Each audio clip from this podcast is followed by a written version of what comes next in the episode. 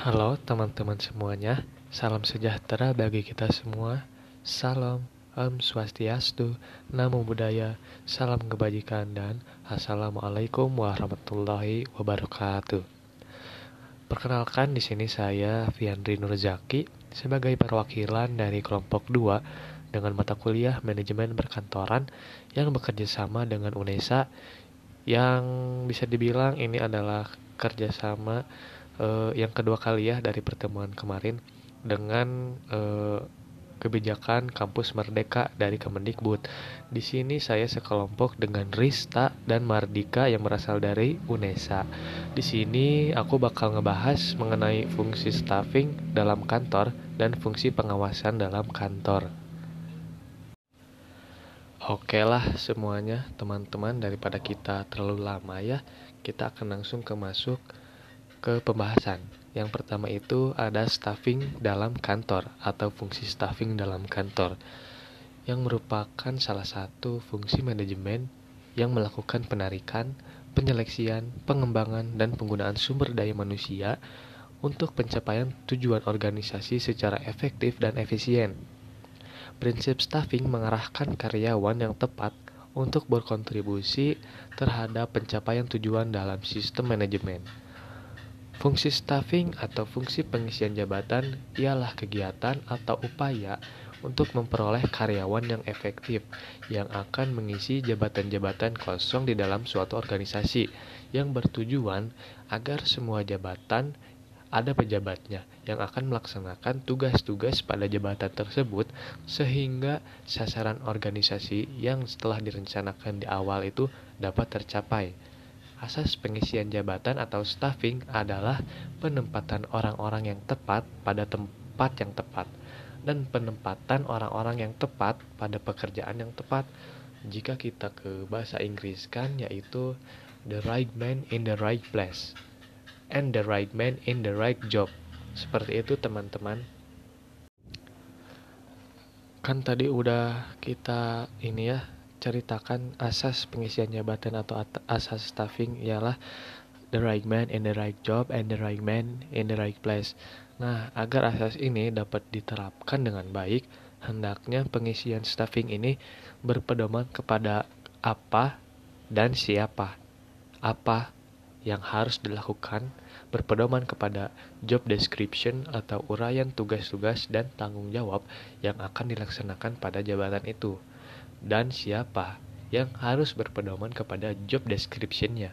Artinya ada syarat-syarat, ada klasifikasi tertentu yang dapat melakukan pekerjaan pada jabatan tersebut. Jadi tidak sembarang orang yang bisa mengisi e, bisa dibilang jabatan di suatu organisasi atau perusahaan. Jika pengisian jabatan dilakukan dengan cara siapa baru apa, hal ini pasti akan menimbulkan mismanagement dalam kepegawaian. Staffing juga bisa dikatakan semacam strukturalisasi, yaitu mengorganisasikan personalia dalam kedudukan, wewenang, jabatan, pangkat, tanggung jawab, dan semua hal yang melekat sehubungan dengan keadaan seseorang yang duduk pada struktur atau jabatan tertentu sebagaimana adanya perbedaan insentif antara struktur yang satu dengan struktur yang lain. Di sini juga ada manajemen staffing menurut David Evans dalam Saifullah memiliki ciri-ciri berikut. Yang pertama itu ada tugas individu yang jelas, yang tadi ya yang sudah dijelaskan harus mempunyai job desk yang jelas, job description dan uraian-uraian tugas. Terus ada jabatan yang jelas juga sebagai apa. Terus yang ketiga, ada wewenang dan tanggung jawab yang jelas. Yang keempat, ada deskripsi tugas dan kegiatan yang jelas. Setiap tugas dijelaskan sesuai dengan spesifikasinya yang menjelaskan secara terperinci bagi petugasnya masing-masing. Yang kelima ada hubungan antar unit kerja dan hubungan antar tugas yang jelas. Jadi seperti itu ya teman-teman untuk fungsi staffing dalam kantor. Selanjutnya di sini saya akan menjelaskan tentang fungsi pengawasan dalam kantor. Pengawasan merupakan salah satu fungsi dari manajemen yang memiliki arti sebagai suatu proses mengawasi dan mengevaluasi suatu kegiatan tertentu. Dalam kegiatan pengawasan, organisasi dapat melakukan pengawasan secara bertahap, mulai dari pengawasan pendahuluan, pengawasan pada saat kerja berlangsung, serta pengawasan feedback atau umpan balik. Selanjutnya di sini ada menurut Stoner dan Wankel dalam buku yang ditulis oleh Glendoh tahun 2000 halaman 45. Pengawasan berarti para manajer berusaha untuk meyakinkan bahwa organisasi bergerak dalam arah atau jalur sesuai dengan tujuan. Apabila salah satu bagian dalam organisasi menuju arah yang salah, para manajer berusaha untuk mencari sebabnya dan kemudian mengarahkan kembali ke jalur tujuan yang benar. Sementara itu, ada menurut para ahli lain, salah satunya itu Mick Farlane dalam buku yang ditulis oleh Glendo sama seperti yang tadi tahun 2000 dengan halaman yang sama 45 yang artinya pengawasan ialah suatu proses di mana pimpinan ingin mengetahui apakah hasil pelaksanaan pekerjaan yang dilakukan oleh bawahannya sesuai dengan rencana, perintah, tujuan, atau kebijaksanaan yang telah dilakukan atau ditentukan. Seperti itu. Selanjutnya ada kebijakan pengawasan yang mencakup seluruh proses penyelenggaraan kegiatan yang dimulai dari perumusan, penyusunan rencana dan program, pelaksanaan sampai dengan penilaian terhadap manfaat suatu program kegiatan secara objektif dan proporsional sehingga diharapkan dapat memberikan kontribusi positif dalam mewujudkan penyelenggaraan tugas secara tertib dan efektif. Terus tujuan utama dari pengawasan ialah mengusahakan agar apa yang direncanakan menjadi kenyataan. Untuk dapat benar-benar merealisasi tujuan tersebut, maka pengawasan pada taraf pertama bertujuan agar pelaksanaan pekerjaan sesuai dengan instruksi yang telah dikeluarkan dan untuk mengetahui kelemahan-kelemahan serta kesulitan-kesulitan apa saja sih yang dihadapi dalam pelaksanaan rencana berdasarkan penemuan-penemuan tersebut dapat diambil tindakan untuk memperbaikinya, baik pada waktu itu ataupun waktu-waktu yang akan datang. Selain itu, pengawasan juga bertujuan untuk menunjukkan atau menemukan kelemahan-kelemahan agar dapat diperbaiki dan mencegah berulangnya kelemahan-kelemahan atau hambatan-hambatan yang telah terjadi di sebelumnya. Seperti itu. Pengawasan beroperasi terhadap segala hal, baik terhadap benda, manusia, perbuatan, maupun hal-hal yang lainnya. Jadi, pengawasan erat sekali hubungannya dengan perencanaan. Dapat dikatakan bahwa perencanaan dan pengawasan adalah kedua sisi dari mata uang Artinya, rencana tanpa pengawasan dapat menimbulkan penyimpangan-penyimpangan dengan tanpa ada alat untuk mencegahnya.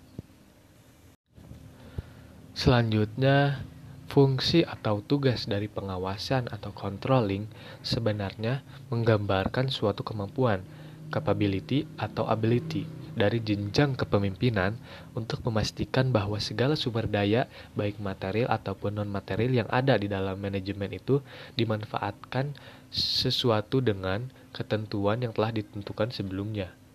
Pengawasan harus dilakukan baik pada tingkat administrasi dan pada tingkat pelaksanaan. Ada dua macam teknik atau cara pengawasan, yakni pengawasan secara langsung, yaitu pengawasan yang dilakukan sendiri oleh pimpinan, dan pengawasan secara tidak langsung yang dilaksanakan lewat pembuatan laporan, baik dalam bentuk lisan maupun tulisan. Laporan dapat dilakukan insidental dan berkala tergantung kepada kebutuhan serta situasi yang berkembang untuk menjamin terwujudnya kesehatan manajemen sehingga tujuan yang telah direncanakan sebelumnya dari suatu organisasi itu akan tercapai dan memenuhi dengan target dapat disimpulkan bahwa fungsi staffing dalam kantor ialah untuk menemukan, menentukan, serta membagikan orang-orang yang tepat pada pekerjaan yang tepat, orang-orang yang tepat pada tugas yang tepat. Seperti itu.